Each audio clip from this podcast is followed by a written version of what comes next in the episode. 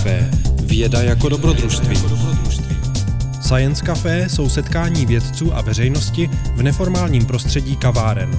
Nejbližší program a podrobnosti najdete na www.sciencecafe.cz. Generálním partnerem Science Café je nadační fond Neuron na podporu vědy. Hlavním partnerem je společnost Etnetera. Dalšími partnery jsou nakladatelství Akademia, Lucky Lab, portál Slides Life a časopis Vesmír.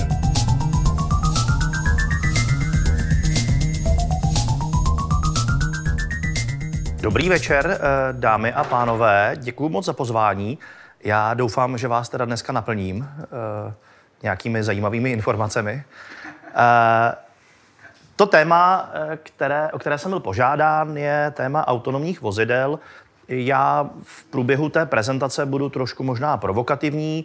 Nebude to úplně tolik o tom, jak technologicky třeba ty auta budou jednou vypadat, ale Eh, budeme se bavit o autonomním řízení a vůbec autonomních vozidlech eh, v kontextu jak společenského, sociálního, eh, legislativního, technického, takový, jakoby, taková všeho chuť a budeme koukat na to z mnoha úhlů, protože autonomní řízení není jenom o tom, že to autíčko bude jezdit samo a bude zatáčet a těšíme se na to, že se tam jednou sedneme ráno, až pojedeme do práce a nebudeme jezdit tramvají, ale budeme jezdit nějakým autonomním vozíkem. Co vlastně se v oblasti autonomního řízení děje? Určitě o tom čtete neustále nějaké články, že eh, velké automobilky připravují eh, různé koncepty, testují auta. Co vlastně mm, je zajímavé na, tom, na té autonomnosti nebo vůbec na tomto fenoménu je to, že se eh, tomuto vývoji nevěnují už jenom automobilky, ale věnují se k tomu i jiní hráči z oblasti internetu, ať už se bavíme o Google, bavíme se o Continentalu, Boschi a dalších společností, které se snaží nějakým způsobem vyvinout uh, autonomní vozidlo, plně autonomní. A samozřejmě každý si přeje, aby byl ten první, aby byl aby způsobil tu revoluci, aby prostě přišel s tím nejkrásnějším autem. Uh, můžeme se podívat na Teslu, která už nějakým způsobem má Eh, implementovány algoritmy částečně autonomního řízení. Ale eh, k, řekněme, plně komerčním nebo řekněme eh, sériovým autonomním vozidlům je ještě poměrně dlouhá cesta. Já za chvíli vysvětlím proč, protože když si čtete ty články, tak vidíte, že vlastně ty algoritmy, které jsou v těch autonomních vozidlech, tak fungují, mají úspěšnost 98, 97, možná 99% Rozhodují se vlastně zcela uh, nezávisle na základě nějakých dat ze senzorů, uh, na základě dat uh, z rozpoznávání obrazu a tak dále a tak dále. Nicméně tady právě konkrétně, vy z IT to znáte, že ďábel se vždycky ukrývá v detailu. A tady to přesně takhle je. V současné době se eh, ten vývoj nějakým způsobem evolučně posouvá k tomu, že nejen, že se řeší nějaká autonomnost, nějaké řízení, ale také se řeší nějaká standardizace. Řeší se to, aby vozidla, která se budou pohybovat jednou, možná úplně zcela autonomně, aby vlastně si mezi sebou rozuměla, aby mezi sebou dokázala komunikovat. To je moje doména a mého týmu. My se zabýváme vlastně systémy, které se jmenují kooperativní. Je to vlastně jedna z částí, která je nedílnou eh, součástí autonomního řízení a je to jedna, jeden z kroků. A je to v podstatě komunikace mezi vozidlem a infrastrukturou a mezi uh, vozidly vzájemně. Já o tom později budu mluvit. Proč standardizace? No jednoduchý, aby si prostě mezi sebou uh, ta autíčka rozuměla, aby si, doká- aby se, se dokázala popovídat, vyměnit si informace a nějakým způsobem relevantně je vyhodnotit. Ale co je nejzásadnějším asi problémem a co bude pravděpodobně asi největší brzdou eh, vůbec v rozvoji, a to dneska vidíte i na eh, problémech eh, Uberu, Airbnb a vůbec sdílené ekonomiky, nebo chcete-li moderní digitální ekonomiky, a to je legislativa. Právě proto, že legislativa v současné době ještě není vůbec zakotvená, tak vůbec nikdo neví, jak vlastně do budoucna se eh, bude pojišťovna třeba eh, vypořádávat s nehodou vozidla. Tak si to vezměte. Koupíte si auto, které jezdí úplně samo. Někde nabourá a někomu něco udělá. Tak. A kdo je odpovědný za škodu? Tak, jsem to já jako majitel vozidla, no ale já jsem to vozidlo jako neřídil. To řídilo samo. Dobře, tak automobilka. No tak automobilka asi nebude z toho úplně jako nadšená. Myslím si, že by to byl větší průšvih než eh, Dieselgate pro Volkswagen. Uh, tak kdo by to mohl být? Tak bude to nějaká jako třeba princip kolektivní viny. Budeme v tom všichni. Tohle to všechno se budeme se vyřešit. Uh, když si kupujete vozidlo Tesla, tak podepisujete, součástí smlouvy je, že jste vlastně nějakým, jakýmsi testovacím jezdcem. A je tam taková klauzulka, která se jmenuje liability shift. To znamená, že odpovědnost jde za váma. Se něco stane. Vy jste majitel, vy jste provozovatel. Je to, je to jakoby komplikovaný problém, který nebude úplně jednoduché vyřešit. A když vím, jak dlouho jenom Evropská unie řešila kodifikaci a vůbec zavedení systému e a o něm budu dneska mluvit, a to je v podstatě velmi jednoduchá věc. Jenom krabička, která, když to auto nabourá, tak pošle nějakou zprávu. Nic složitýho. Uh, řeší se to 10 let. A teď si vezměte, že budete mít takovýhle auto, který bude jezdit samo. Nedej bože, někomu něco udělá, nebo něco rozbije někomu. Takže vůbec odpovědnost za škodu je samostatný velký problém. Tak.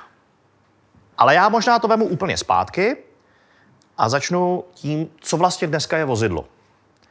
Tak uh, úplně, jako myslím si, že nejdůležitější pro nás chlapečky, vozidlo je šperk. Samozřejmě, jestli znáte takovou tu studii, že kdo vybírá, eh, když se kupuje Eh, nové vozidlo, tak jak vlastně jsou rozděleny role eh, v manželství. Kdo vybírá barvu? Zkuste si typnout. Ano, vybírá manželka a je to z toho důvodu, že manžel je vděčný za to, že mu povolila takto významnou investici koupit nové vozidlo, takže ustoupí v tom, eh, že nechá jí vybrat barvu. Když jsem se mého kolegy, který si koupil Toyotu takové barvy, myslím, že se jmenuje šampaň. A rovnou jsme mu to auto pojmenovali Zlatan. A jsme mu dali přívěsek. Tak jsme se ho nedápadně ptali, a kdo vy, říká, to jste vybíral barvu vy? A jsem podíval, říkal, no dovolte. Uh, takže pro nás chlapce uh, je vozidlo většinou šperk. Uh, tak je to hračka, my jsme jako hraví, takže jako, když pak jedeme někde, tak si chceme jako pohrát. Opět teď nechci vypadat jako nějaký šovinista, ale prostě hold to tak jako je. No. Já si myslím, jako, že dámy, když jedete s partnerem v autě, tak asi víte. A, co je důležité, vozidlo je symbol společenského postavení. Vlastně my jsme v současné době ve stavu, kdy i podle vozidla nějakým způsobem lidi kastujeme. Vezměte si velké korporace. Tam se přesně řeší příslušnost k nějaké uh, skupině, ať už nižšího managementu, vyššího managementu. A tam je prostě nepřípustné, že by, že by člověk z nižšího managementu přijel lepším autem než člověk, který je v představenstvu. Jo, standardně se takhle nakupují auta. Si začíná to od toho Superba, Oktávka, Rapid, Fabie a sekretářky My City Go, ano když mají služební auto. Takže je to, je to uh, nějaký symbol. A my vůbec jsme, jako my se posuzujeme podle symbolů. Když půjdete do kavárny, jak se koukáte, kdo má jaký mobil. Je to úplně stejný. A teď je otázka, jestli budeme ochotní, jestli vůbec to lidstvo bude ochotno uh, téhle systém opustit. Jestli vůbec řekneme si, hm, já už jako si chci pořídit to autonomní auto, a přejdeme do té fáze, kdy to vozidlo budeme brát jako, jako spotřební věc. Nebo možná jako službu. Budeme auto sdílet? Já to záměrně jakoby bagatelizuju nebo spíš to jako zveličuju, ale jenom chci, abychom se na to koukali nejen po té technologické stránce, ale i, i po té sociální. Takže Myslíte si, že vůbec o ta autonomní vozidla bude mít někdo zájem? Budeme to vůbec chtít? A nebude to třeba tak, že jako to je dneska s Teslou, že to je nějakých několik tisíc early birds, který si to auto koupějí, protože prostě je to něco jiného, ale zbytek vlastně si říká, no ale teď já vlastně to autonomní auto vůbec jako nepotřebuju. Jako na to, abych jel v pátek na chalupu a v neděli zpátky z chalupy, nebo ráno odpoledne do práce, potřebuji já vůbec to auto? A já vlastně chci to auto jako mít jako hračku. Já se jako chci zablbnout. Já vím, že to je jako kacířská myšlenka, kacířský dotaz. Ale dneska je autonomnost nebo vůbec vývoj v oblasti autonomního řízení tažen především technologiemi. Uh, já když jsem byl asi před pěti lety na konferenci, uh, ani nevím kde, tuším, že na Madejře to bylo, tak tam přednášel jakýsi profesor Brogi uh, z Univerzity Parma. A v podstatě byl to jeden z prvních pilotních testů uh, autonomního vozidla. Udělali takovýhle, takovýhle malého bombona a ujeli s tím z Parmy až do Šanghaje tenkrát na Expo. A to autíčko bylo hrozně hezky udělaný, spolupracovali na tom i automobilky, opravdu jako byl to veliký tým, velký grant. A pouštěl nějaký hezký videa, já tady pak jedno video pro vás mám. A v podstatě to vozidlo mělo nějaký solární panel, hromadu senzorů, všude kolem, no a vevnitř výpočetní centrum. Neptejte se mě, jak to fungovalo. Pro mě to je trpaslíček, ke který budou data, ale my mu je přeneseme. Jak se to rozhodovalo, to už zase řeší jiné týmy, to řeší kolegové z Čirku, případně z katedry kybernetiky, z FELu a tak dále. A ten projekt byl hrozně zajímavý, mně se to strašně líbilo právě proto, že to byl úplně první test. A on vlastně tenkrát říkal, že v podstatě akorát dvakrát museli za volant za těch 10 tisíc kilometrů, nebo kolik to bylo do té Šanghaje. Poprvé to bylo v Kijevě, kdy místní policista si nenechal vysvětlit, že je to opravdu test autonomního řízení a tvrdě vyžadoval, že musí být řidič za volantem. A po druhé to bylo v ulicích Moskvy, kde eh, se bohužel auto nezorientovalo, protože v Moskvě je silnice, kde je namalovaných pět jízdních pruhů, po kterých jede 8 až 9 pruhů vozidel. Takže tam bohužel jako musel řidič zasáhnout.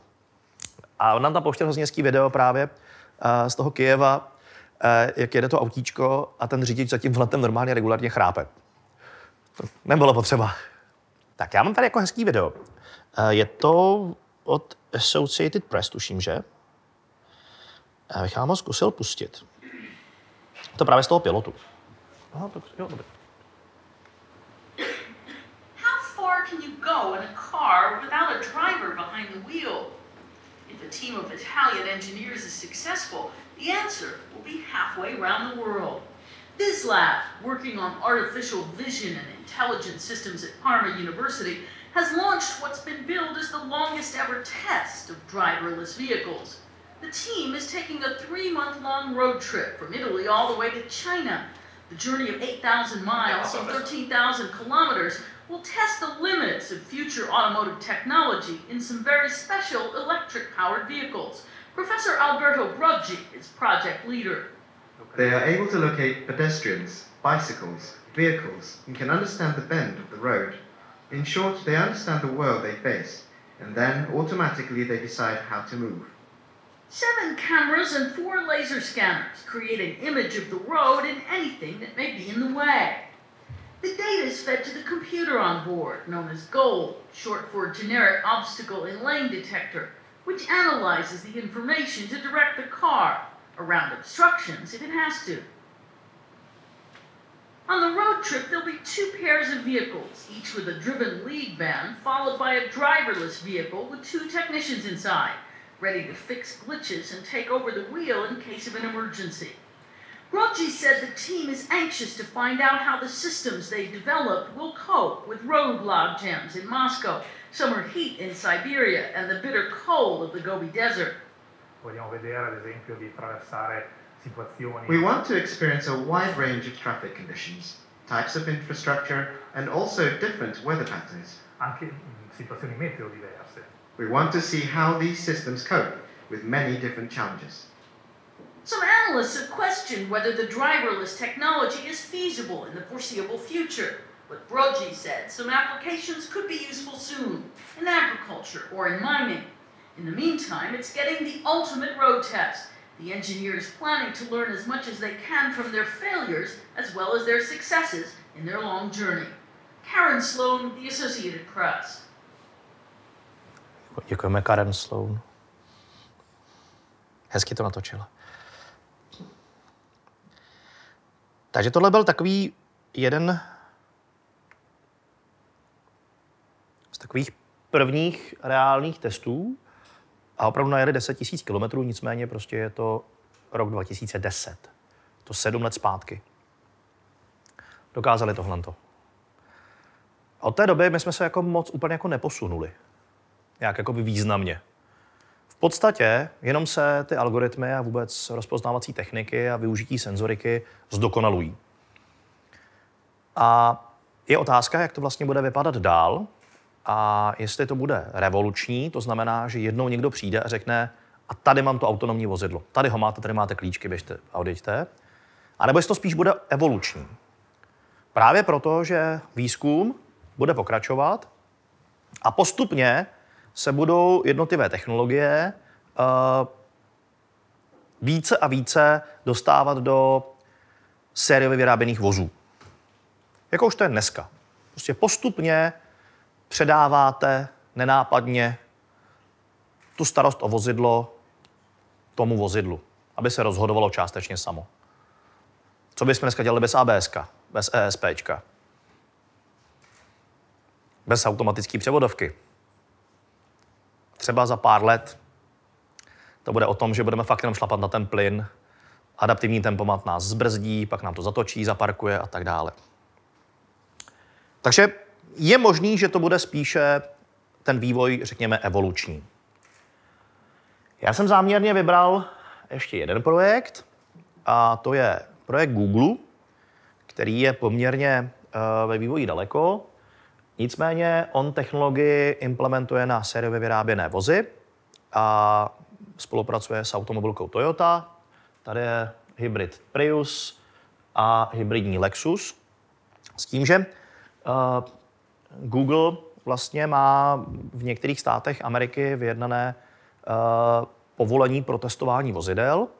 Mimochodem, tam z legislativního procesu je to docela zajímavé, protože uh, tam ještě z dob, kdy fungovaly dročky, tak vlastně odpovědnost za ten vůz uh, ve, uh, má majitel nikoli ten, ten kočí. To znamená, že v Americe za to vlastně není úplně zodpovědný řidič, ale vlastně ten majitel toho vozidla v některých státech. Tam bohužel eh, Amerika je v tomhle tom eh, trošku nevyspytatelná, eh, je tam zvykové právo, takže když víte, že nemáte v návodu, že nemáte strkat kočku do mikrovlnní trouby, tak to vyhrajete.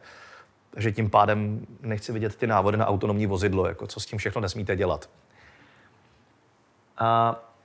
Google je poměrně Eh, aktivní ve vývoji, nicméně na informace o tom, jak se mu eh, vývoj daří, je poměrně skoupý. V současné době má několik set vozidel, které testuje a v podstatě zkoušejí už dneska eh, vozidla v městských aglomeracích. Ty první testy, které začínaly, na kterých jsme začínali i my v nějakých komunikačních technologiích, tak v podstatě jsou nejjednodušší realizovat na směrově oddělených komunikacích. Nemusíte prostě řešit směry, je to pro vás jednodušší. Když už půjdete do nějakého městské aglomerace, tak tam už řešíte další problémy. Samozřejmě řešíte křížení, řešíte uh, semafory. Vlastně současné technologie jsou většinou postavené na nějakém optickém rozpoznávání, to znamená, že uh, pomocí kamer, které jsou na vozidle, tak rozpoznáváte okolí, Samozřejmě eh, ta technologie umí identifikovat dopravní značky, ta technologie umí identifikovat semafor, ví, jaká tam svítí barvička, umí identifikovat eh, vlastně okolí, to znamená vozidla, chodce, eh, případně cyklisty a v podstatě podle toho se dokáže orientovat. Nicméně ta penetrace je dneska úplně zlomková.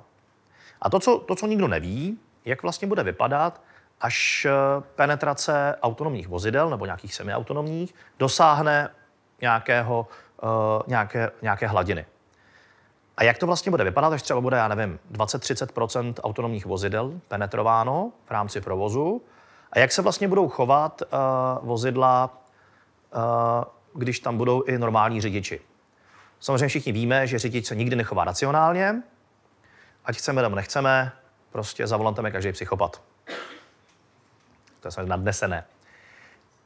A teďka řešíte, že vlastně budete mít nějaký vozidla, který se chovají, řekněme, semiracionálně, nebo snaží se rozhodovat optimálně. A pak tam máte vozidla, která ovládají lidé a tito lidé se nechovají racionálně. Když jsem mluvil o tom jednom procentu, kde je ten problém, uh, tak to jsou právě krizové situace. Já o nich za chviličku budu mluvit, ale zkuste se zamyslet nad tím, jak se bude rozhodovat takové vozidlo, které pojede a bude se moct rozhodnout. Buď to uh, zajedu na přechodu paní s kočárkem, ve kterým jsou dvojčata, nebo to strhnu uh, doprava, kde je sráz, to znamená, že zabiju svého majitele, a nebo to strhnu doleva a tam je tramvajová zastávka a je tam 12 lidí. Tak. A jedete 80. a máte to na 100 metrů. Ano? Reakci, jak se stalo, že jsem měl 80 před přechodem. Nebo vedle tramvajové zastávky. Dobře, ale jako já to záměrně jakoby takhle nafukuju. Jde o to, že to budou krizové situace, ve kterých to vozidlo se bude muset nějak rozhodnout. Uh, představte si palcový titulek. Autonomní vozidlo na tramvajové zastávce zabilo tři lidi. Když to udělá nějaký uh, Pepa Novák uh, z Karlína, tak mu řeknou, no on byl asi ožralej. Když to udělá autonomní vozidlo, tak to celou tu technologii může uh, úplně zastavit. Vůbec tu důvěru vůči té technologii to může srazit k zemi. Říkám to záměrně, protože opravdu lidi jsou a priori nedůvěřiví. Já tady mám ještě jedno video uh, právě od Google. Já to pustím. Přepni se, potvoro. Tak, výborně. Právě z nějakých testů, abyste věděli, jak, uh, jak probíhají jejich testy. I'm Priscilla, one of the test drivers on the Google self-driving car project. Jsem čekal, bude hodně mužů, tak jsem vybrala Priscilu. cars and other people safe while on the road, and for providing feedback on how they perform in the real world. A big part of our job is to go out into the world and uncover all the potential scenarios that a car might encounter. Then we help the engineers teach the car how to best navigate each one. Here are some examples of situations that we regularly encounter on the streets of Mountain View, California. We've taught the vehicle to recognize and navigate through construction zones. Our sensors spot the orange signs and cones early to alert the car of the lane blockage ahead, and we can change lanes safely. You'll also notice the vehicle typically moves to keep a safe distance away from large obstacles, like this truck stopped on the side of the road. Now we're approaching a railroad crossing, which requires special care. Notice the red fence and railroad sign that appears to the computer as we approach the intersection. This means that we'll wait until the tracks are clear of other vehicles before proceeding. Our cars treat cyclists as a special category of moving object. Watch in this example, when the cyclist holds up his arm, our software detects the hand signal and predicts his movement into our lane. The car knows to continue yielding to the cyclist passing by, even when he changes his mind, multiple times. So now what you'll see is our vehicle at a busy intersection. Here the cars are represented by pink boxes, and the cyclists and pedestrians are the red and yellow boxes. Now notice the boxes moving past us. It's the cyclists and pedestrian's turn to go. The red and green fences indicate that the car will stop and wait until the path is clear. We even detect the cyclist approaching from behind and wait until they've passed. Once the cyclist has gone by, the vehicle determines that it's safe to turn. We still have more work to do, but it's fun to see how many situations we can now handle smoothly and naturally. See you on the road. Jenom uh, to bylo pro ukázku. Uh, abych vám ukázal, jak vlastně ten model toho okolí vozidla vypadá a jak vlastně to vozidlo jakoby to vyhodnocuje. Ta data ze všech těch senzorů. Uh, co je hodně zajímavý, tak je o tom, že tím, že to je dneska optická metoda, třeba do budoucna se počítá s tím, že by uh, právě díky komunikaci už ta optická metoda nemusela mít uh, takovou důležitost. Pro představu budete mít digitální mapové podklady a v nich budou virtuální dopravní značky. Už to nebude klasický štangle a uh, normální dopravní značka, ale budete mít dopravní značku, která se vám bude zobrazovat nějakým head-up display nebo na nějakém uh, tabletu, na čemkoliv. I tak to může být.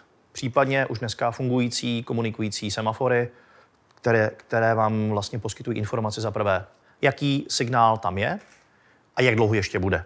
V případě, že se bavíme o statickém řízení. V případě dynamického z toho člověk může být zmatený, protože vám to bude říkat, ano, zelená bude ještě 8, 7, 6, 12, 11, 10, prodlužování zelený. Takže to jenom jakoby, eh, jak třeba postupuje Google, jenom pro ukázku. tak, a když jsem mluvil o tom, co vlastně povede k tomu, aby uh, jsme se dostali k nějakému úplně plně autonomnímu vozidlu, tak co vlastně nás ještě čeká a co je potřeba vyřešit? Právě robustní a spolehlivé autonomní systémy. Uh, robustní znamená, že budou fungovat za jakýchkoliv okolností s nějakou vysokou mírou uh, spolehlivosti a právě uh, adekvátní rozhodování uh, v kritických situacích. Samozřejmě už jste určitě četli o tom, že nejenom Tesla, ale už i testovací vozidlo od Google mělo dopravní nehodu a tak dále a tak dále. Těch článků samozřejmě je poměrně hodně. Nicméně výsledků z testů se moc jako nedočtete. Já nevím, já jsem to teda hledal opravdu jakoby je toho jako šafránu. V podstatě, když se zeptáte ve Škodovce, jestli na tom pracují, tak no tak jako jo, ale mm, jako nic zajímavého a tak. Uh, co určitě se řeší v současné době velmi intenzivně, a to je právě ta komunikace. Otevřenost vozidel a komunikace mezi vozidly, komunikace mezi vozidlem a infrastrukturou, to je naše doména. Na tomto výzkumu se poměrně hodně podílíme a o jednom velkém projektu evropském budu za chvilku mluvit. A to je jedna, jedna vlastně z komponent, která je nutná pro to, aby vůbec ta vozidla dokázala fungovat v provozu. To, co jsem říkal, eh, je potřeba vyřešit legislativní otázky. Můj odhad je, že legislativní otázky dokážou tu technologickou část zbrzdit opravdu jako o 5 až 10 let. Pakliže prostě nepřijde někdo osvícený a neřekne, bude to takhle a takhle. Eh, tím, že v současné době Evropa neví, co má dělat s Uberem, tak si nedělám iluze, že by za pět let věděla, co bude dělat s autonomními vozidly. Je to bohužel smutné konstatování, ale odpovědnost za škodu a vůbec fungování uh, autonomních nebo semiautonomních vozidel uh, bude poměrně jako zajímavý oříšek pro legislativce. Ne nadarmo se říká, že minim, pět právníků v místnosti minimálně sedm právních názorů. Bude to velmi zajímavé. Tak a co určitě uh, bude důležité, tak bude zajištění bezpečnosti dat, informací a také uh, zajištění nějakého rozumného rozhraní člověk-stroj. Když mluvím o té bezpečnosti, tak uh, ty nejhorší útoky, které budou, protože vlastně v tu chvíli už dneska máte v autě 25 počítačů, ve chvíli, kdy tam budete mít nějak, nějakou autonomnost, těch počítačů tam prostě řádově přibyde. A ještě navíc, když eh, to vozidlo otevřete vnějšímu světu, tak musíte řešit vůbec eh, bezpečnost. Autentizace, autorizace a tak dále. Nejhorší útoky, které budou, tak budou na změnu parametrů. Jednoduše si představte, že máte nastavený algoritmus, který ví, že když uh, detekuje zatáčku, tak má začít točit volantem za 0,05 setin vteřiny. A když se vám tam nabourá nějaký zlobík a hodí vám tam, že to začne zatáčet za 0,3 desetiny vteřiny. Věc, kterou, který si nevšimnete. Ale samozřejmě to může napáchat velikou paseku. A když jsem se o tom bavil s bezpečákama, tak ty už dneska z toho mají fakt jako osypky a opravdu se jako bojí, co všechno tohle přinese. Ano? Zmást tím způsobem, že mu řeknu, je tady? I to je jeden z útoků. jakoby těch, těch útoků je spousta. Tenhle ten byl pro příklad. Tenhle se blbě detekuje. To zmatení se dá detekovat. Změna parametrů se blbě detekuje. Protože se to chová tak, jak má. Akorát s jinýma parametrama. Jo, to je trošku jakoby složitější. Ale třeba jednou to bude tak, že eh, budete mít doma auto v garáži, večer si sednete k počítači, eh, připravíte si playlist a protože vaše auto bude připojené na Wi-Fi domácí, tak se tam nahrajete playlist eh, ráno. Samozřejmě auto budete mít jako, budete mít jako obývák a vedle to budete mít garáž, logicky, protože prostě chcete mít svůj šperk doma.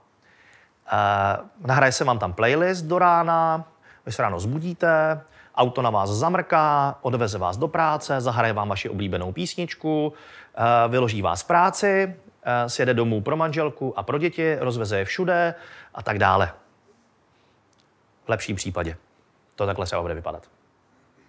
Takže tohle je cesta k možná autonomním, možná semiautonomním eh, vozidlům.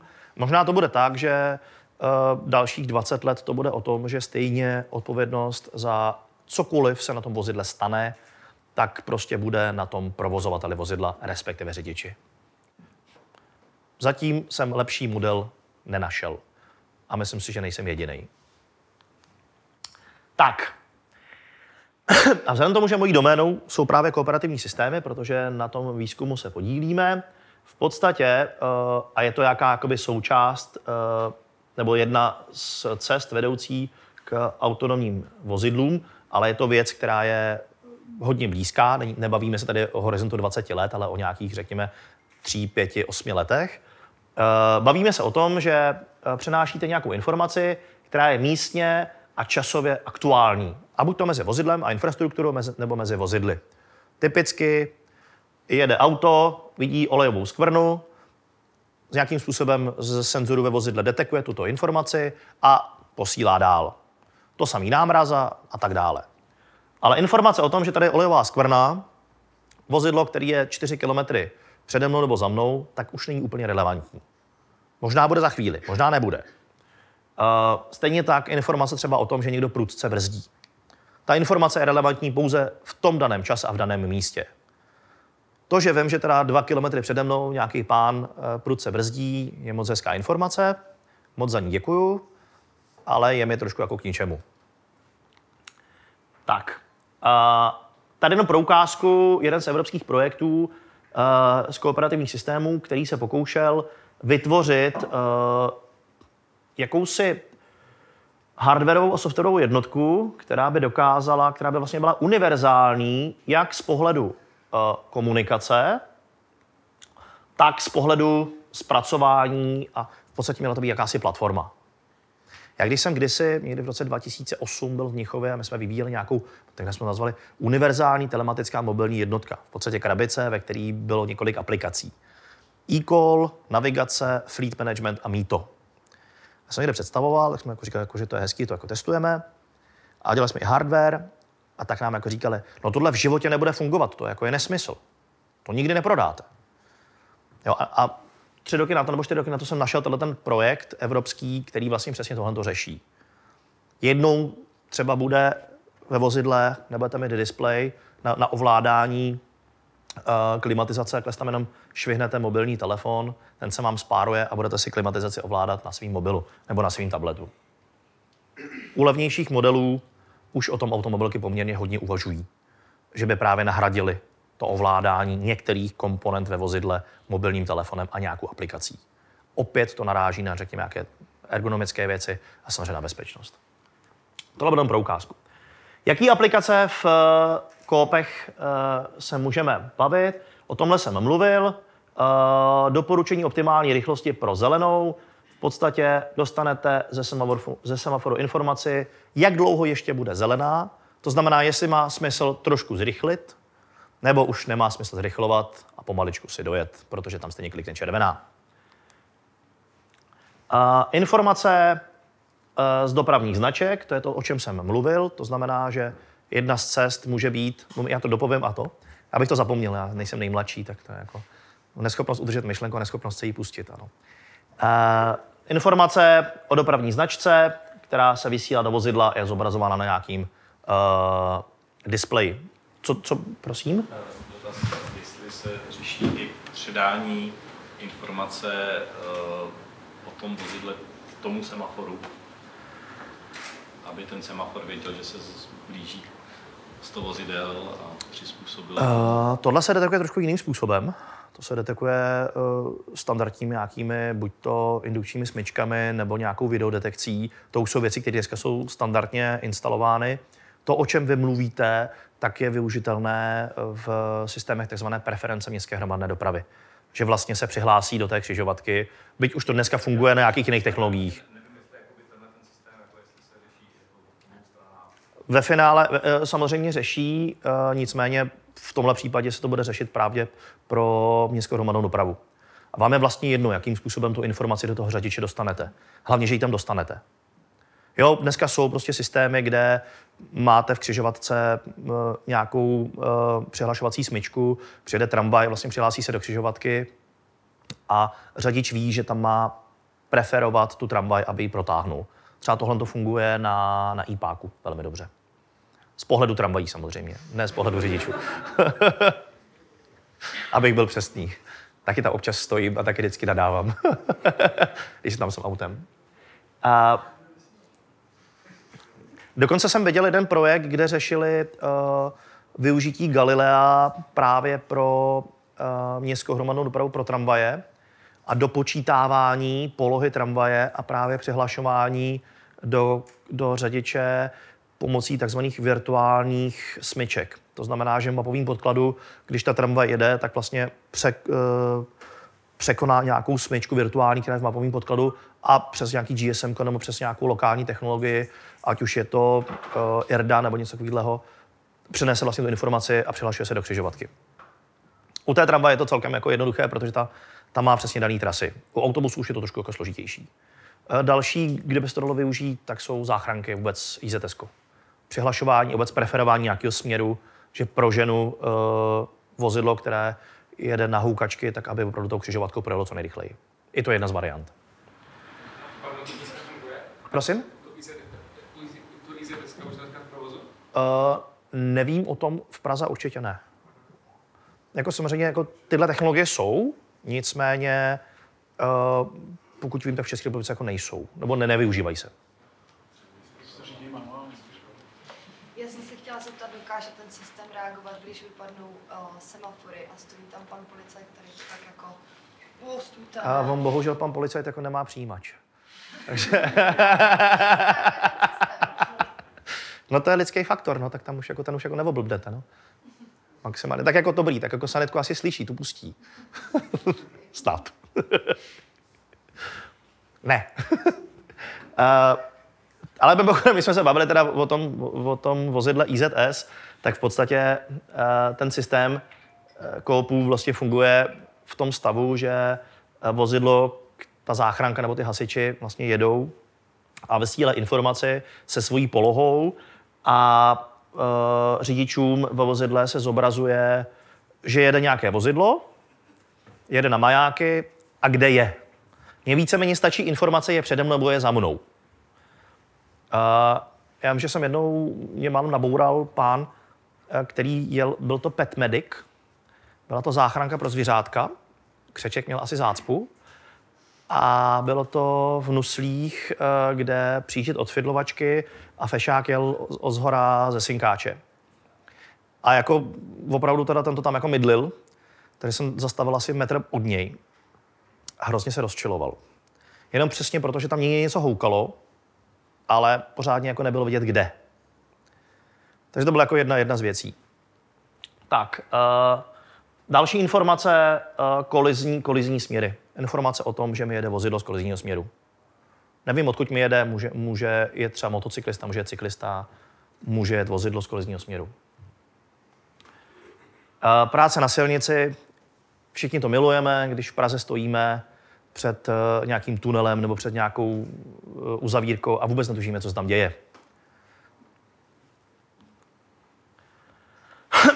Případně informace o tom, že je někde nějaká kolize právě za zatáčkou nebo v místě, kde nevím, a to znamená, musím zbrzdit. Je to nějaké upozornění. Tyhle systémy v podstatě mají za cíl informovat řidiče o nějakém nebezpečí nebo o něčem, co je pro ně relevantní.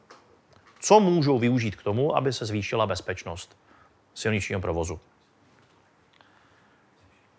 To znamená, třeba v tomhle případě jede vozidlo, motorkář ho nevidí, jde o to, že jede kolizní směr a informace o tom, jedeme z kolizního směru vozidlo. Ano, jsou to částečně i trošku jako romantické představy. Je to vždycky o tom, že to rozhodnutí je na řidiči. Podle vídeňské umluvy je to tak, že za vozidlo je za jakýchkoliv okolností vždy zodpovědný řidič. To platí v Evropě. V té Americe mají ještě toho vosku, takže tam je to ten, ten provozovatel. Tak, u nás je to taky vlastník v případě, když třeba máte, vlastně pojištění máme na vlastníka. že? To ano, to ano, ale, ale v případě, A že... Je že... to, je to třeba, když máte zaparkovaný auto No to a jo, se to jo, pustí. to jo, ale, ale, ale, ale v pohybu je to vždycky řidič. Jasně. To určitě není vlastní, to je určitě provozovatel. Tak, no. Zcela jistě. Jo, Kdyby typicky musel- operativní leasing. Kdyby to byl vlastník, je to super, protože to bych to, to, bych to chodilo leasingovce. to by se mi líbilo. No, určitě. To jo, tak to, jsou, to, jsou, eh, to je v případě, že, za, že vlastně není, není jakoby chycen, eh, nebo zachycen pachatel, nebo identifikován pachatel. Jak, jak se to jmenuje. Já neznám tyhle, ty, tu právní terminologii. Mluvím v tomhle trošku jako Tatar. Ano, obviněný a to.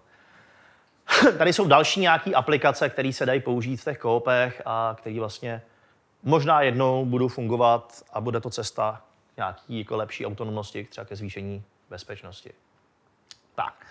A, a já když jsem mluvil o tom, že se bavíme o nějakých komunikacích z vozidla, tak já jsem se záměrně vybral projekt, který uh, by měl být už snad od příštího roku povinný ve všech nových vozidlech, jmenuje se e-call. A je to jenom z toho důvodu, že jsme ten projekt kdysi dělali a jenom tak jakoby jsme ho trošku uh, upgradeovali.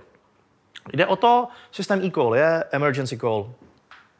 Automatický systém tísňového volání. Jde o to, že v případě, že vozidlo má dopravní nehodu a je tato nehoda je detekována více než dvěma senzory, je automaticky uh, spuštěn tento systém a je odeslána datová zpráva, která se jmenuje MSD, Minimum Set of Data, a v podstatě se odesílají údaje. VIN kód o vozidle, poloha, směr jízdy, čas a zda uh, ten e-call byl aktivován automaticky, to znamená, že to auto opravdu někde nabouralo, anebo je to SOS tlačítko a v podstatě byl aktivován manuálně. Tyhle informace se odesílají na uh, telefonické centrum tísňového volání na 112. Uh, tato data dojdou v České republice k hasičům, protože 112 v Čechách provozují hasiči. A vlastně ve chvíli, kdy přijde to hlášení, tak se operátorovi objeví takovýhle alert a zobrazí se mu poloha vozidla na uh, mapě. Automaticky je spojen zpátky hlasový hovor. Je to z toho důvodu, aby se eliminovaly takzvané false positive uh, alerty. To znamená, že když třeba jako doma nabouráte do garáže, rozbijete si auto, nic vám není, tak aby tam nejela záchranka, hasiči a tak dále. Ale samozřejmě ta další informace je o tom, že operátoři jsou vycvičeni na to, aby vůbec zjistili za prvý, kolik je ve vozidle zraněných, v jakém soustavu a tak dále a tak dále. Tenhle systém bude fungovat od příštího roku. Eh, Víceméně v současné době už je i harmonizace, eh, je otestováno, že to funguje v rámci Evropy, to znamená, že když budete v Německu a stane se vám dopravní nehoda, budete to mít ve vozidle, tak opravdu se vám zavolá eh, 112, ta nejbližší. A protože jste identifikováni, že jste Češi, tak samozřejmě se vám budou snažit vybrat operátora, který bude mluvit nějakým blízkým hlasem a blízkým jazykem vám. Pak, když třeba nevládnete Němčinou, tak třeba Německo, Anglie, jako, tam to ještě jako asi půjde, no, Maďarsko bude trochu horší. Tak. A my jsme asi před... Uh, ano, ano. Vlastně máte jako auto nehodu, tak se vám ale vypne ta elektronika v tom autě, tak jak vám ty hasiči zavolají zpátky. Tam je uh, v, v rámci toho vozidla je instalován tzv. in-band modem. Tam je víceméně opravdu jako zastavěný modem, uh, kde je SIMka a v podstatě uh, ty hasiči vám zavolají zpátky, je to napájený, tam je baterie a tak dále. Jo, je to udělané tak, aby opravdu i při větším nárazu tohle vydrželo.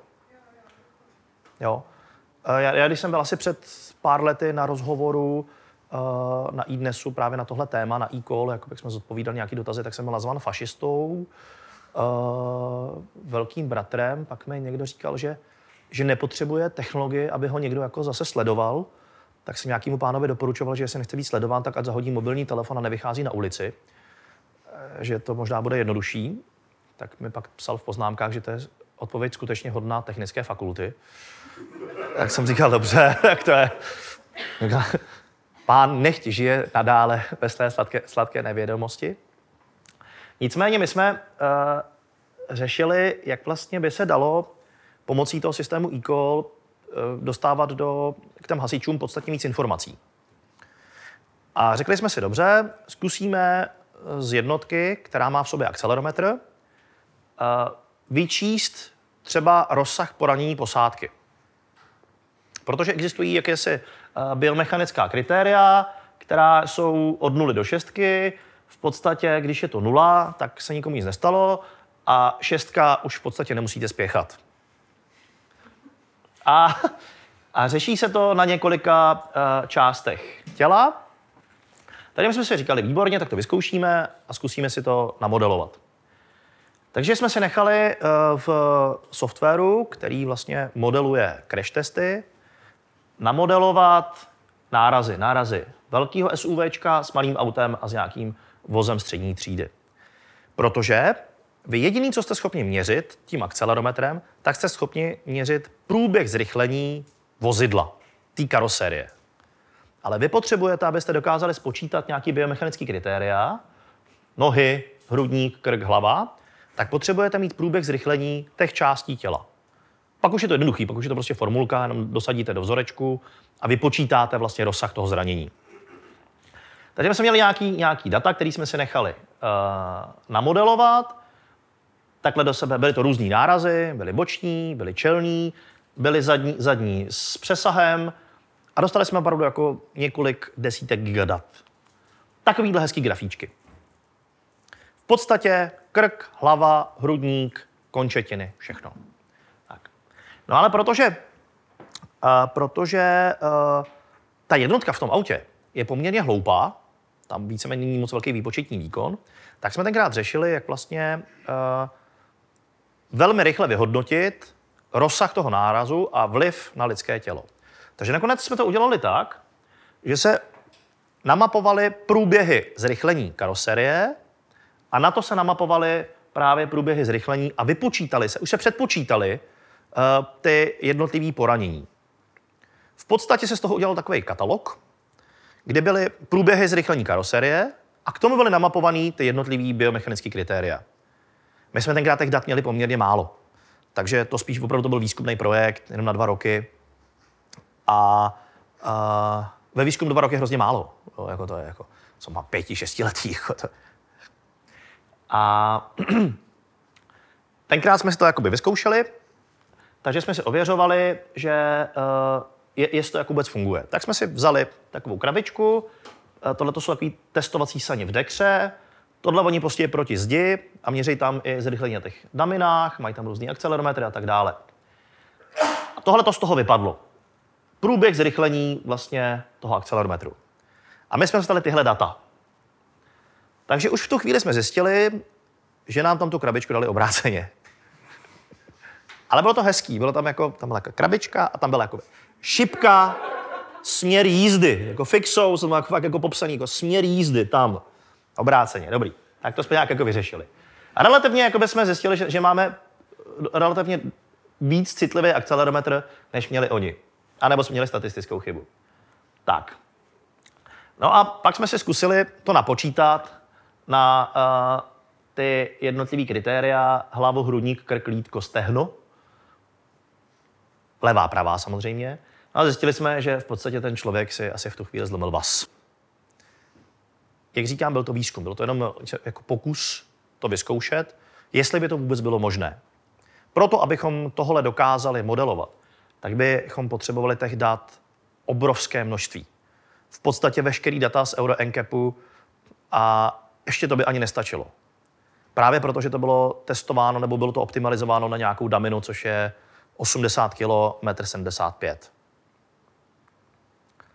Tím pádem, když tam bude dítě, bude tam žena, nebo tam bude velký pán, malý pán, už to samozřejmě bude trošku uh, kulhat. No.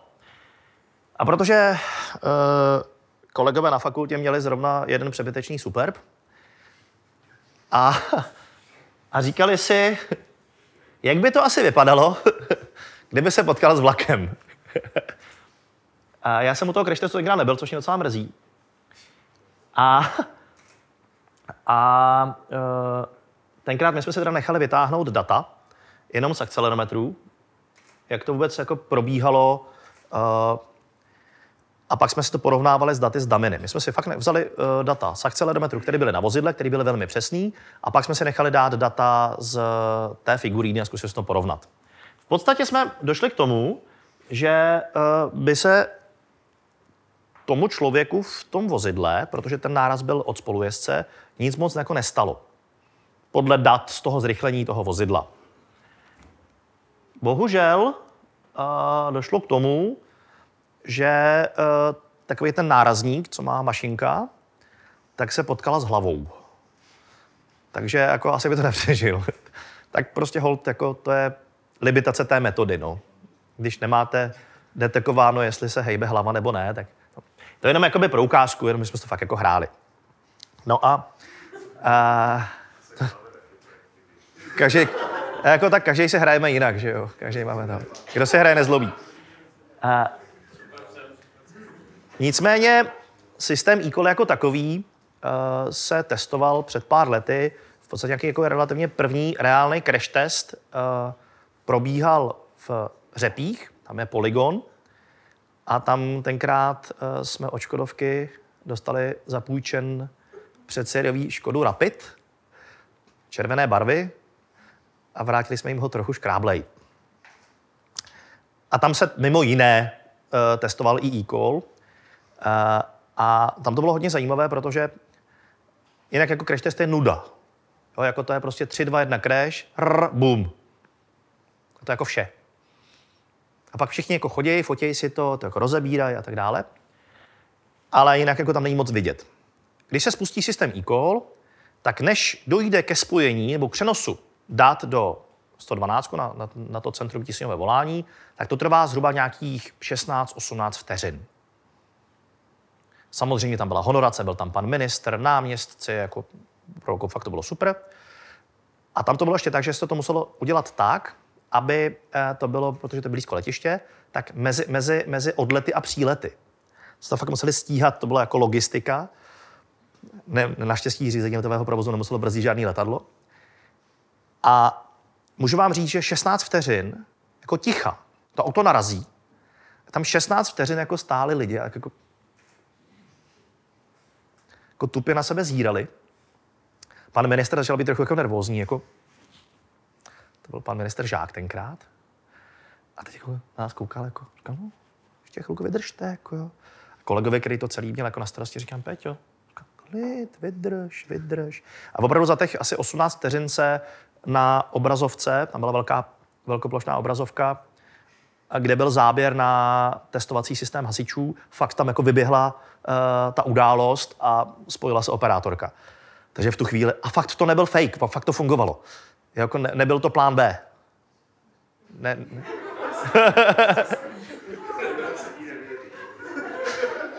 já jsem se tenkrát teda drze ptal chlapců po té, co to proběhlo, a já jsem se jich ptal, říkám, hele, a jako měli jste plán B, jako připravenou jako nějakou prezošku, jako to? A říká, ne.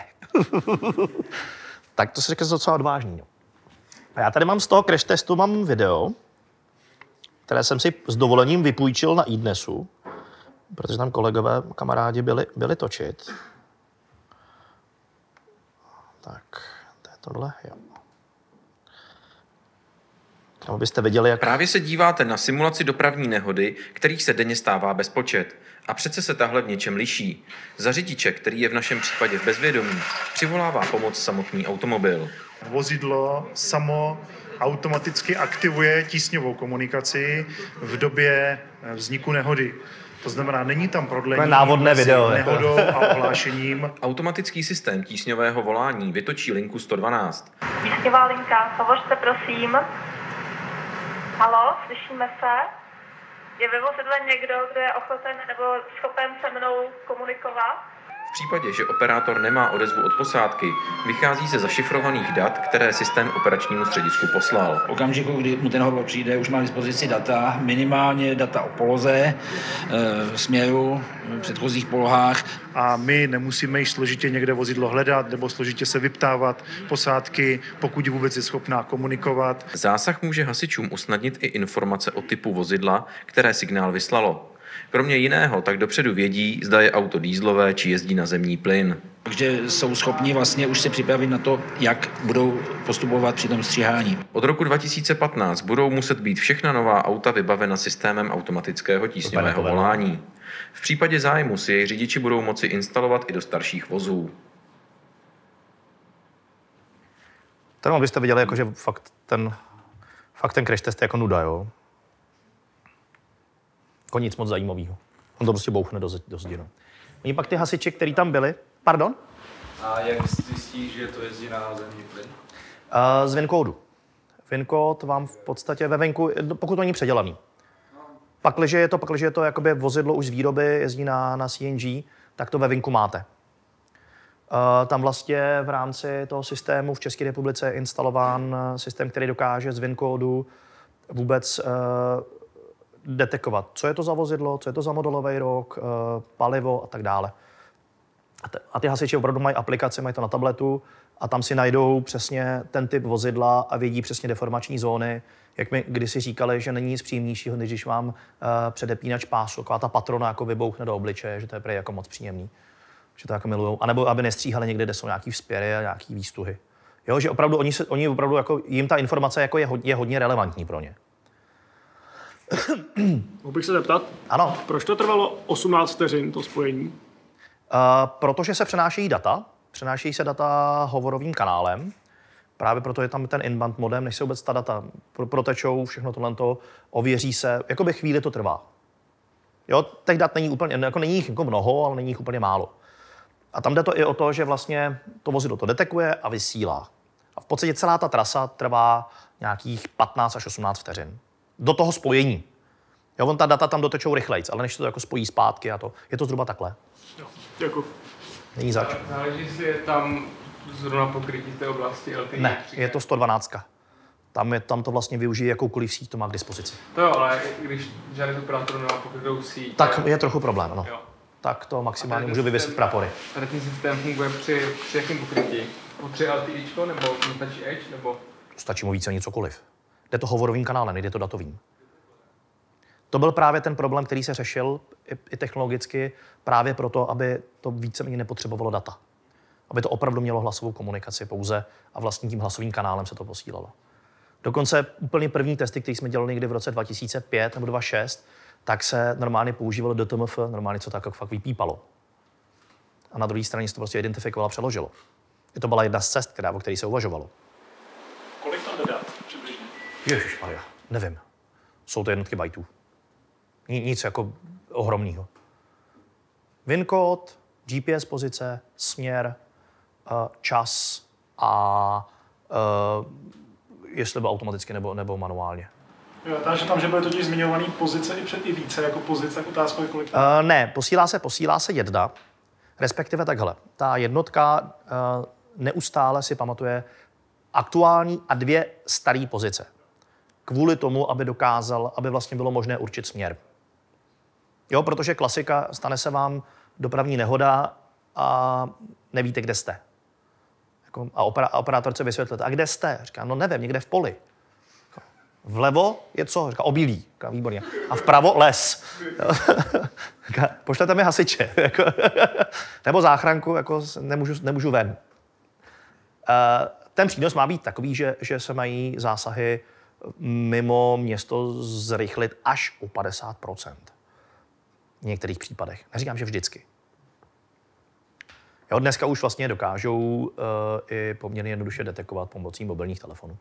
Jako Cell ID už docela funguje, jako relativně přesně. Byť ta GPS by měla být o trošku přesnější. Aplikace záchranka teda oproti tomu. Prosím? Aplikace záchranka třeba to přesně řeší. Jo, jo, jo, přesně tak. Přesně tak, ale to je prostě mobilní aplikace. Tohle bude o tom, že, že v tom vozidle to opravdu bude fungovat automaticky. A právě i tím, že, proč já jsem někde čet, že dokonce až 70% volání na tísňové linky jako jsou false positive. Že to, no, je, to jako, je to obrovský číslo. Až 70%. Nebo nějaký jako, jako brutální číslo. Vím, že jsem to čet a bylo to strašný. Nevím to přesně, nepamatuju si to, ale vím, že mě to hrozně překvapilo. Možná to i víc, nevím. Ale to, bylo to jako hodně vysoké číslo. A uvažovalo se i o tom, že by to umělo ukládat ty data o tom zrychlení, aby se to pak předávalo třeba orgánům při vyšetřování těch dopravních nehod, aby se tam nemuseli provádět ty expertízy a jenom by, se sebralo tady... ten, to, byste, to byste ten systém do toho auta nemusela montovat, protože to by si ho nikdo nevzal. Ne, uh, jakoby chápu, kam míříte, v podstatě jakýsi, jakousi černou skřínku. Uvažovalo se o tom, nebo vůbec jako se o tom mluví, eh, nebo takhle. Technicky se o tom uvažovalo, ale nikdo to nikdy neřekl na hlas. Ne, ne, ne. Vzhledem tomu, že jste technologická společnost a e-call jednotka je v podstatě počítač, my nesmíme ani naznačovat. ne, je to samozřejmě jako technicky je to možný. Ale uh, chtěl bych vidět toho sebevraha, který by to tam naimplementoval. Protože v tu chvíli by to, byla, by to totálně sprofanovalo tu značku a, a tak dále. Což jako, třeba jako, jako guerilla marketing nebo něco, nevím.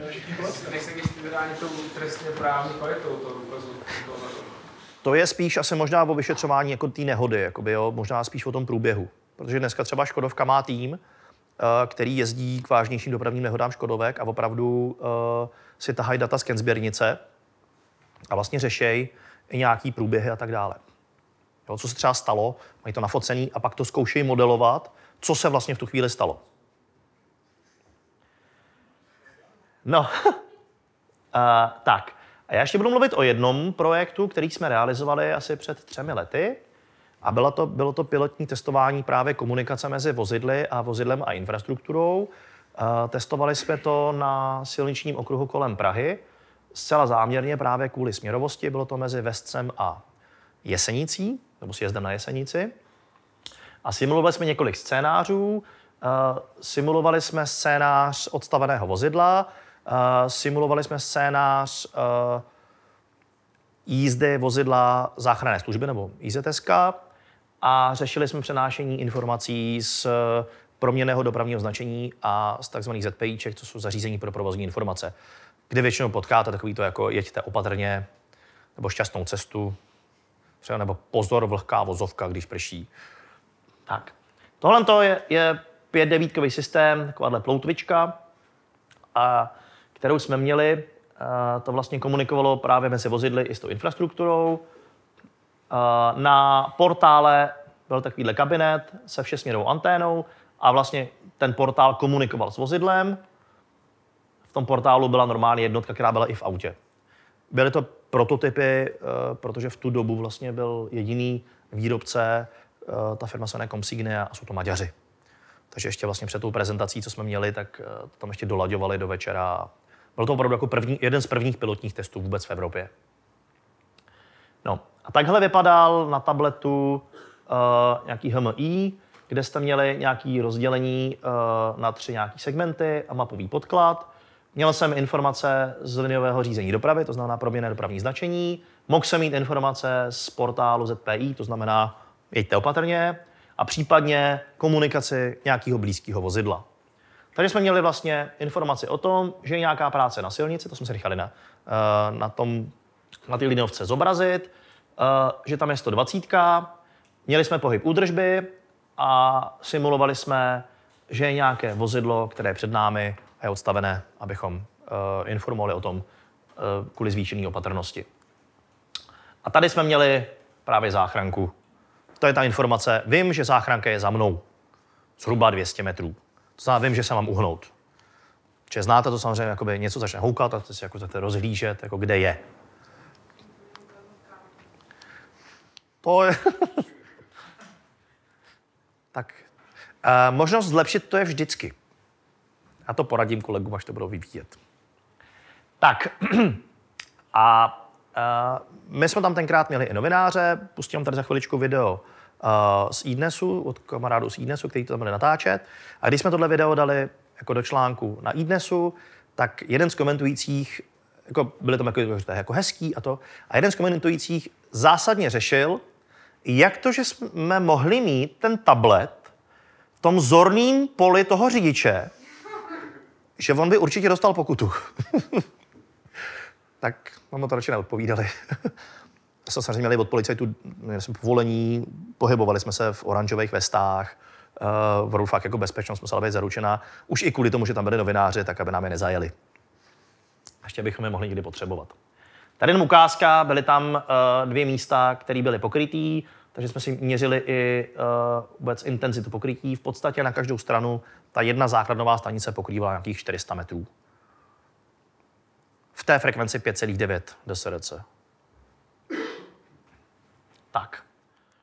Ta standardizace pro B2B a B2I, uh, v jaký je podobě, jednak i frekvenčně, co jsem koukal, tak, tam, tak to tam využívalo ve směs nějaký jako ISM uh, 5.9. rádia. Jsme v 5.9. 5.9 je nad, tam, Uh, to je ten pro pět- pro uh, V2X je vlastně alokován frekvenční rozsah eh, 5,9 giga v DSRC technologií. A vlastně v současné době v rámci projektu, který teďka realizujeme, tak se samozřejmě řeší, že součástí toho bude i vlastně hybridní řešení, že se začne používat LTE. A teď se řeší, v jakých frekvenčních pásmech. Je, je kolem toho docela boj. Teďka se vlastně řeší nějaký stanoviska eh, vůbec na frekvenční alokace. Jestli eh, bude jenom 30 MHz, který v současné době jsou, a nikdo neví, jestli to bude dostačovat, až bude penetrace, mm, řekněme, v desítkách tisíc vozidel. A, a vlastně jestli náhodou do SRC technologie, do které už se poměrně hodně investovalo, jestli se právě bude budovat právě kolem dálnic, to znamená, každý kilometr budu muset budovat nějaký vysílač, nějakou, nějakou základnovku, anebo jestli to spíš nebude kombinace uh, LTE a DSRC, tam se zase řeší takový problémy, jakože když mám lokálně tu informaci, tak já vlastně musím omezit tu bázovku LTEčka, aby mi tu informaci posílala pouze tomu segmentu řidičů. A samozřejmě to musí fungovat uh, broadcastem, což vlastně současné řešení, které v České republice jsou, tak úplně neumí. Takže vlastně se řeší to, že bude technologie, která se bude jmenovat LTEV. A my jsme si mysleli naivně, že ji budeme už příští rok testovat, ale on ji ještě nikdo nemá. Takže máme ambici, že ji budeme testovat, akorát nevíme, od koho tu technologii koupíme. Takže to je takovýhle posun. A, takže eh, jsou standardizované teda i, i, i ty protokoly komunikace, eh, takže a, a, a celoevropsky, celosvětově, nebo jak? Celoevropsky, celoevropsky existují ECI standardy na eh, komunikaci mezi vozidly. Jsou definovány tři druhy zpráv. CAM zprávy, DNM zprávy a IVI, což jsou vlastně zprávy o tom, že buď to vysílám nějaké nebezpečí, nebo vysílám nějaký stavové informace, anebo vysílám o tom jsem tady. Jsou daný přesně normy, jak má ta zpráva vypadat, eh, jak se vlastně dekoduje, aby si mezi sebou ta vozidla rozuměla. To, co se v současné době řeší, takže to jsou ty zprávy. To, co te- teďka třeba řešíme v rámci systému, tak já, tak já k tomu přejdu, protože to tam zrovna řešíme. Je systém, který se jmenuje, nebo ta, ten projekt se jmenuje Sea. Je to uh, evropský projekt, kde v současné době už je v té platformě zapojeno 13 zemí a řeší se to i s ohledem právě na interoperabilitu, aby vozidla mezi sebou komunikovala napříč Evropou. Řeší se právě interoperabilita technická, ale řeší se třeba i to, eh, jaká bude bezpečnost. Bude to public key infrastructure, bude to prostě asymetrická kryptografie, ale řeší se vlastně to, jaké certifikáty se budou používat a, a jak to vlastně bude s nějakým trustováním, s, důvěr, s důvěryhodností jednotlivých certifikačních autorit, eh, jak se vlastně budou důvěřovat. Je to, je to poměrně komplikovaný problém. Vím, že jsme to řešili dokonce dneska, jsme měli telekonferenci, takže se tam zase o tom bavili, jaký tam budou autority, jaký certifikáty se budou vydávat, kdo je bude vydávat, eh, jakou budou mít platnost a tak dále. Bavíme se o tom, že eh, je tam taková trošku schizofrenní situace, Protože vy, vy vlastně v rámci zachování zákona o ochraně osobních údajů nebo GDPR, chcete-li, tak vy vlastně to auto pošle nějakou informaci, vy musíte vědět, že je validní, ale dál už nesmíte říct, kdo vám ji dal. Protože už by to mohlo být jakoby porušení eh, ochrany osobních údajů. Takže i takovéhle věci se tam řeší. Je to jakoby technický problém, a, nebo spíš je to problém, řekněme, eh, na tom, aby se ty státy dohodly. Ale zrovna třeba ta sekuritní skupina eh, je poměrně zajímavá, jsou tam jako fakt jako lidi, kteří tomu celkem i rozumí a opravdu se jako snaží dohodnout. Že to není o tom, že by, že by tam jako někdo prosazoval a spíš se to snaží tlačit eh, k nějakému konsenzu a k nějakému rozumnému technickému řešení, tak, aby to implementačně nebylo příliš náročné a aby to opravdu bylo funkční. Že čím to řešení bezpečnostní bude složitější, tím samozřejmě se tam, je tam více rizik, že tam něco nebude fungovat. Třeba se řeší to, eh, jak to bude s obnovou certifikátu v autě, v té jednotce. Protože prostě to zařízení, který je při komunikaci s tou základnovkou, tak jenom několik vteřin.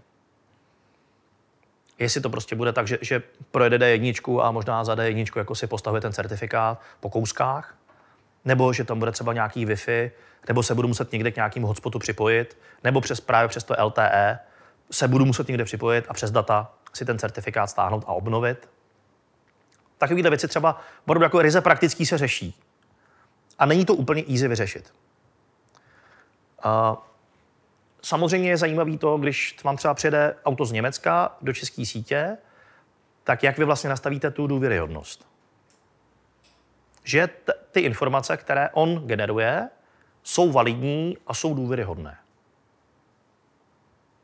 Jestli mu budete jako důvěřovat a priori, jakože prostě má nějaký certifikát, který vydala autorita, který vy věříte, tak fajn, já mu věřím. A nebo to bude tak, že se bude muset nějak jakoby nejdřív autentizovat, autorizovat, aby vůbec mohl do té sítě něco posílat. A další a další bezpečnostní věci se tam musí řešit. Těch věcí je strašně moc. Ten projekt je opravdu obrovský v České republice.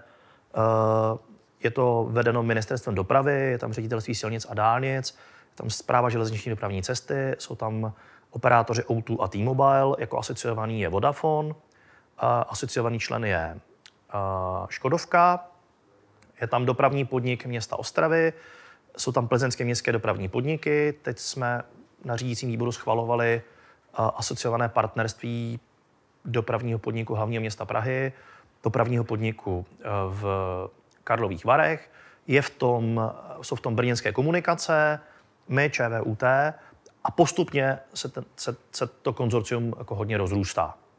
Jo, je, je to opravdu o tom, že těch testů, které tam budou, těch, eh, které tam budou, tak eh, bude poměrně hodně. Bude pokryta D5, D11, u Brna D1, v Brně brněnský komunikace, Ostrava, Plzeň, to bude to MHD, a tady, někde za Pardubicema, někde u Přelouče, bude jeden železniční přejezd osazen právě technologií 5.9 a bude posílat informace o tom, že se blíží vláček.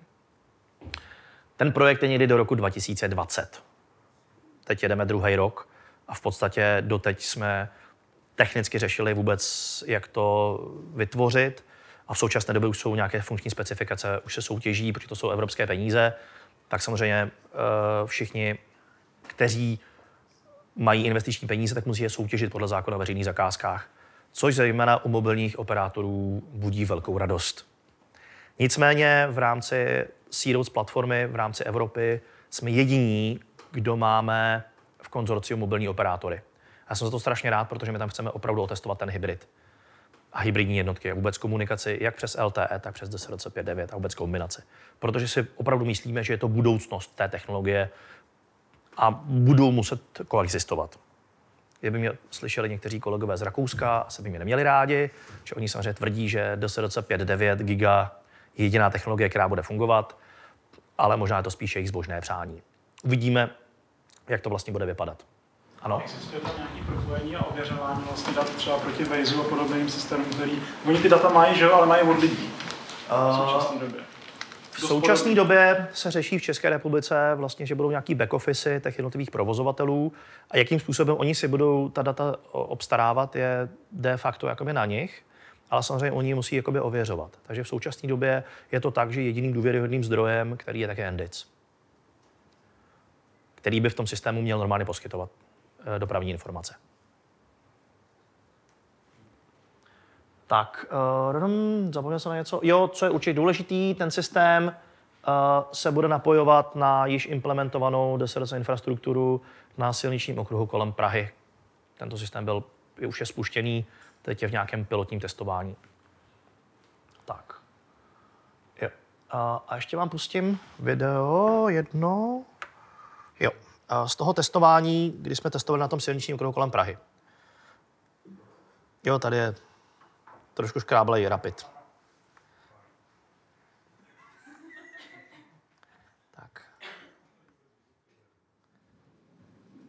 Automobily si mezi sebou budou povídat. Podle odborníků zbývá nějakých 5 až 10 let, než si auta dají sami echo o zácpě nebo vozidlu, které zabloudilo na dálnici do protisměru. Systém umožňuje informovat řidiče o tom, co ho na trase čeká. To znamená, jestli třeba před ním není náhodou nehoda nebo olejová skvrna, případně odstavené vozidlo. Auta mezi sebou budou komunikovat na dané frekvenci. Představte si to jako Bluetooth ve svém telefonu. Začnete z prudka brzdit za kolonou a auto samo vyšle ostatním zprávu, že je třeba brzdit. Na přístrojovce v autě za vámi se zobrazí výstražné hlášení pro řidiče a zároveň předá zprávu o hrozícím To je ten tablet, jo, to je jako jak tam to záviděl nějaký pán. Sanitka uhánějící se zapnutým majákem zároveň vysílá opakované upozornění, že jede. Na displejích ve vozidlech před ní se zobrazí varování. Ještě Jsme měli sanitku, měli auto uvidí jiný, nebo jako. uslyší. Funguje to na principu komunikace mezi vozidly, kde jedno vozidlo, které zjistí nějakou nehodu, případně stojí, odesílá tuto informaci všem v okolí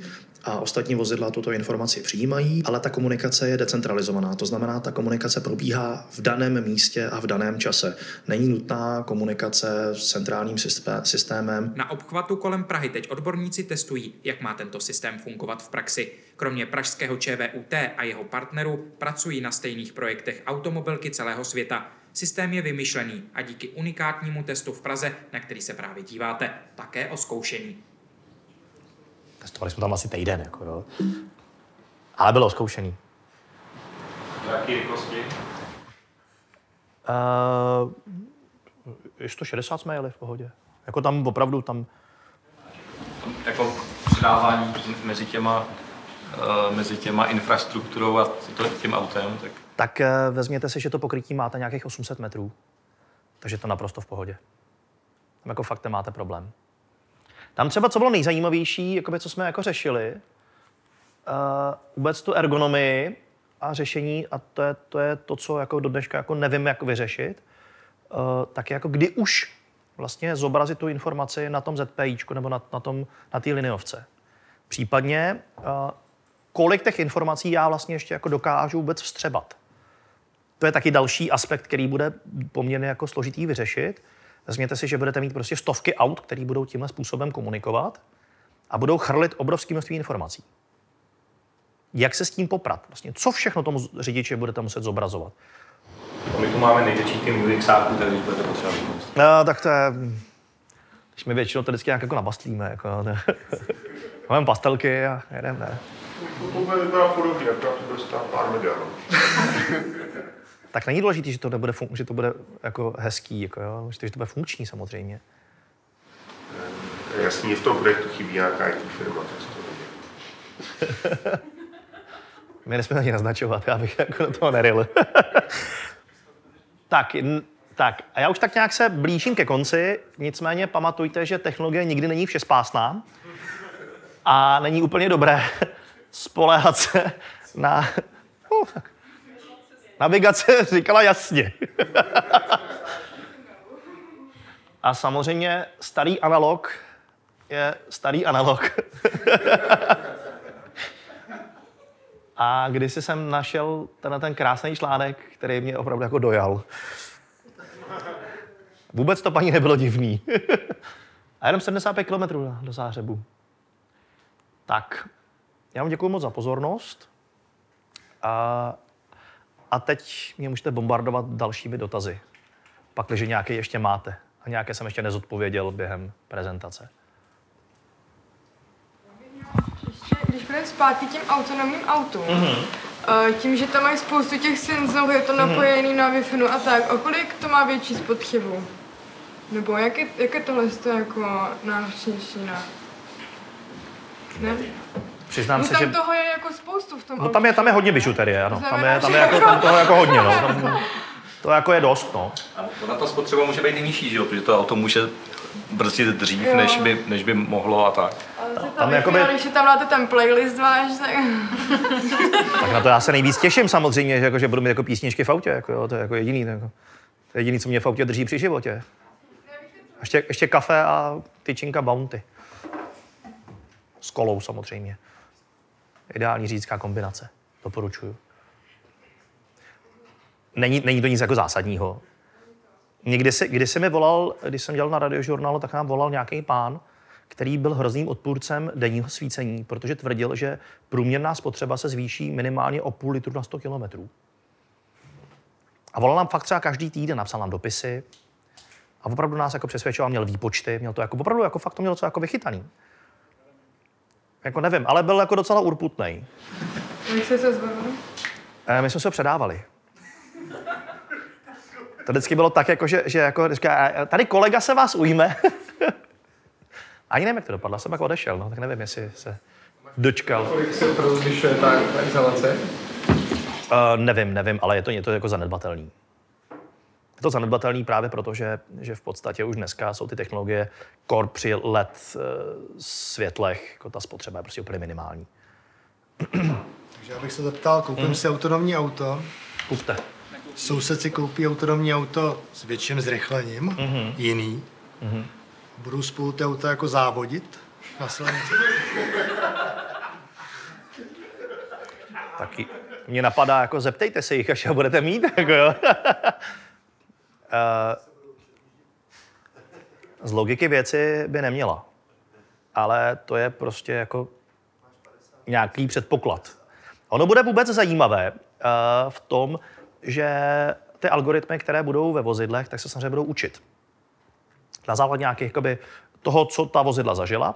A já jako se snažím marně dohledat toho, eh, jak to vlastně bude vypadat, když se ta vozidla bu- budou jakoby různě evolučně vyspělá v úvozovkách, jak to vlastně bude vypadat.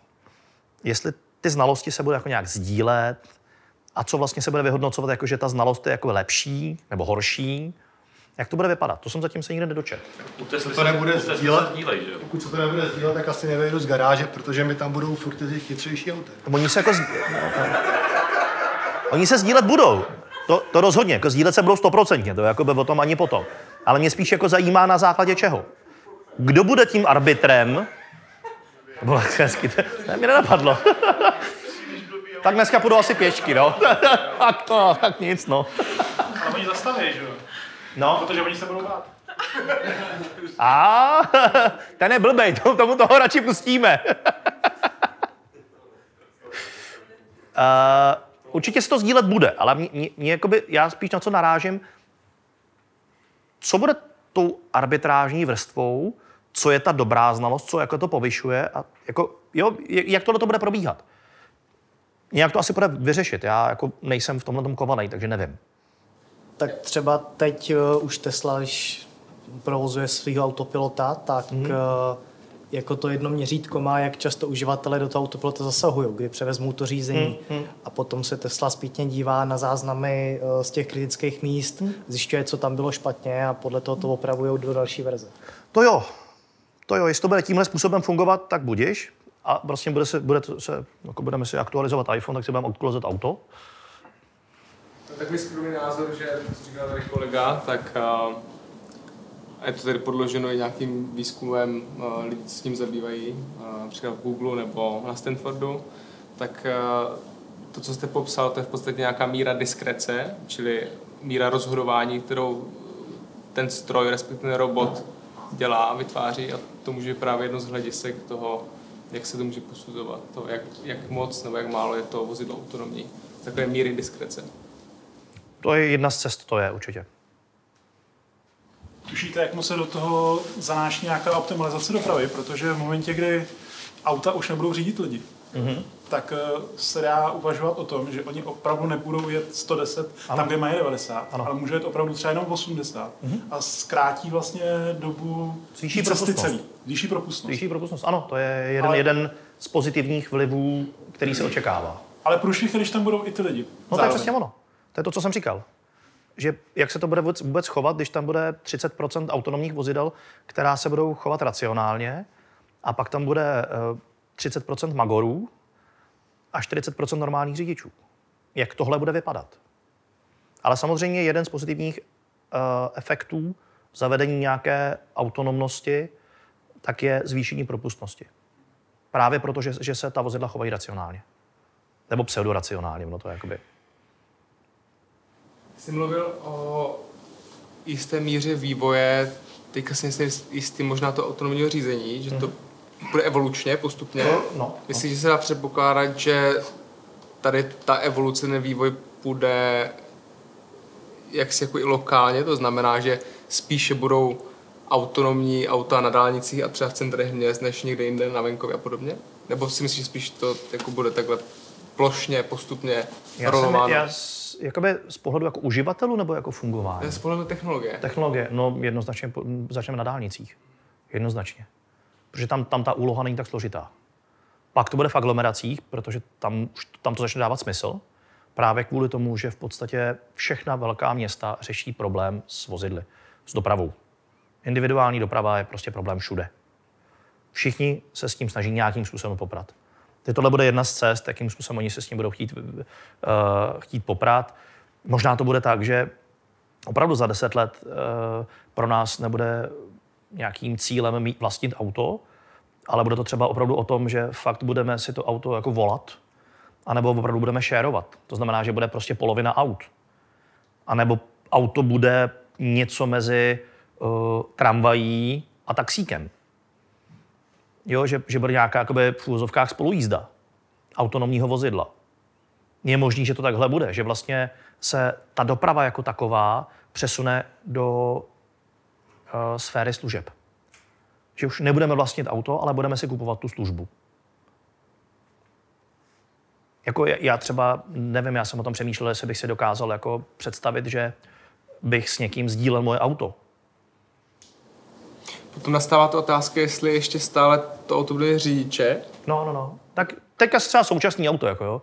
Tak spíš jsem došel k tomu, jako jestli by někdo vůbec jako chtěl. ne, ale jakoby... eh, Záleží na stavu asi. Ne, to ne, ale tak jako já v tom autě mám jako imrvere bordel, takže jako já mám psa, takže já, a v tom autě, když jako hodně jezdím, tak tam jako odpadkový koš za sedadlem eh, spolujezdce a tak. Ale všichni to znáte samozřejmě. Povězící popelice. No, tak jako je to takový jako trošku hegeš. Ale, ale spíš, eh, tam nejde o tohle, ale jde třeba o to, že, že to auto máte nějak jako, máte tam svý písničky, svý CDčka a tak nějak to jako je vaše a ty jako chtěl bych to s někým jako sdílet, jako, jako líbilo by se mi to. Možná jo, já nevím. Tak se sejdu za deset let a uvidíme, jak to dopadne. No tak za deset let to bude úplně jinak. To je. No, to tak si počkáme. Vyjde jako dobrodružství, ne? Tak poslední dotaz. Level 5 auta v České a, a i použitelný v České republice. Váš typ. Jo, tak to je jako, já si myslím, jako, že nejdřív za 15 let. Nejdřív. Nemyslím si technologicky. Právě ptám se i na ten právní aspekt. Myslím si, že minimálně 15 let. Řeší se to? Ta právní otázka? No jasně. Nikdo neví, co s tím. Jako opravdu jako nevědí, co s tím. Vezměte si, že opravdu dneska máte jednodušší uh, problém, a to je Uber nebo Airbnb, jakoby shared economy nebo nějaká digitální ekonomika. A v podstatě nikdo neví, co s tím. Oni už jsou v Německu a tak už, pokud vím, jsou nějaký, uh, že už to mají povolený lokálně v nějakých městech nebo v nějakých oblastech, jako na testy.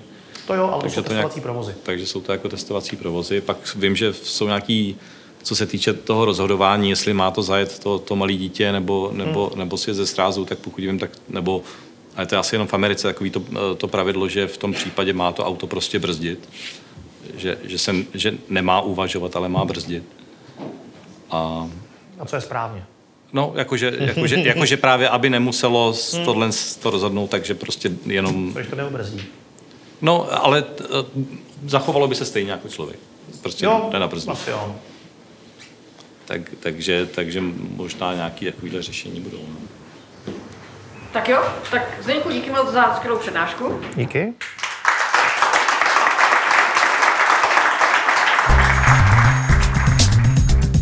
Science Café.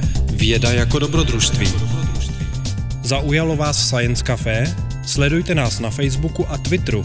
Videozáznamy některých diskusních večerů s vědci jsou k vidění i na portálu slideslife.com. Budeme rádi, pokud se někdy na Science Café přijdete podívat naživo.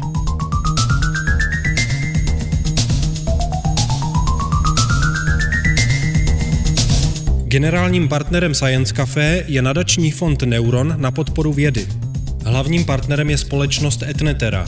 Dalšími partnery jsou nakladatelství Akademia, Lucky Lab, portál Slides Life a časopis Vesmír.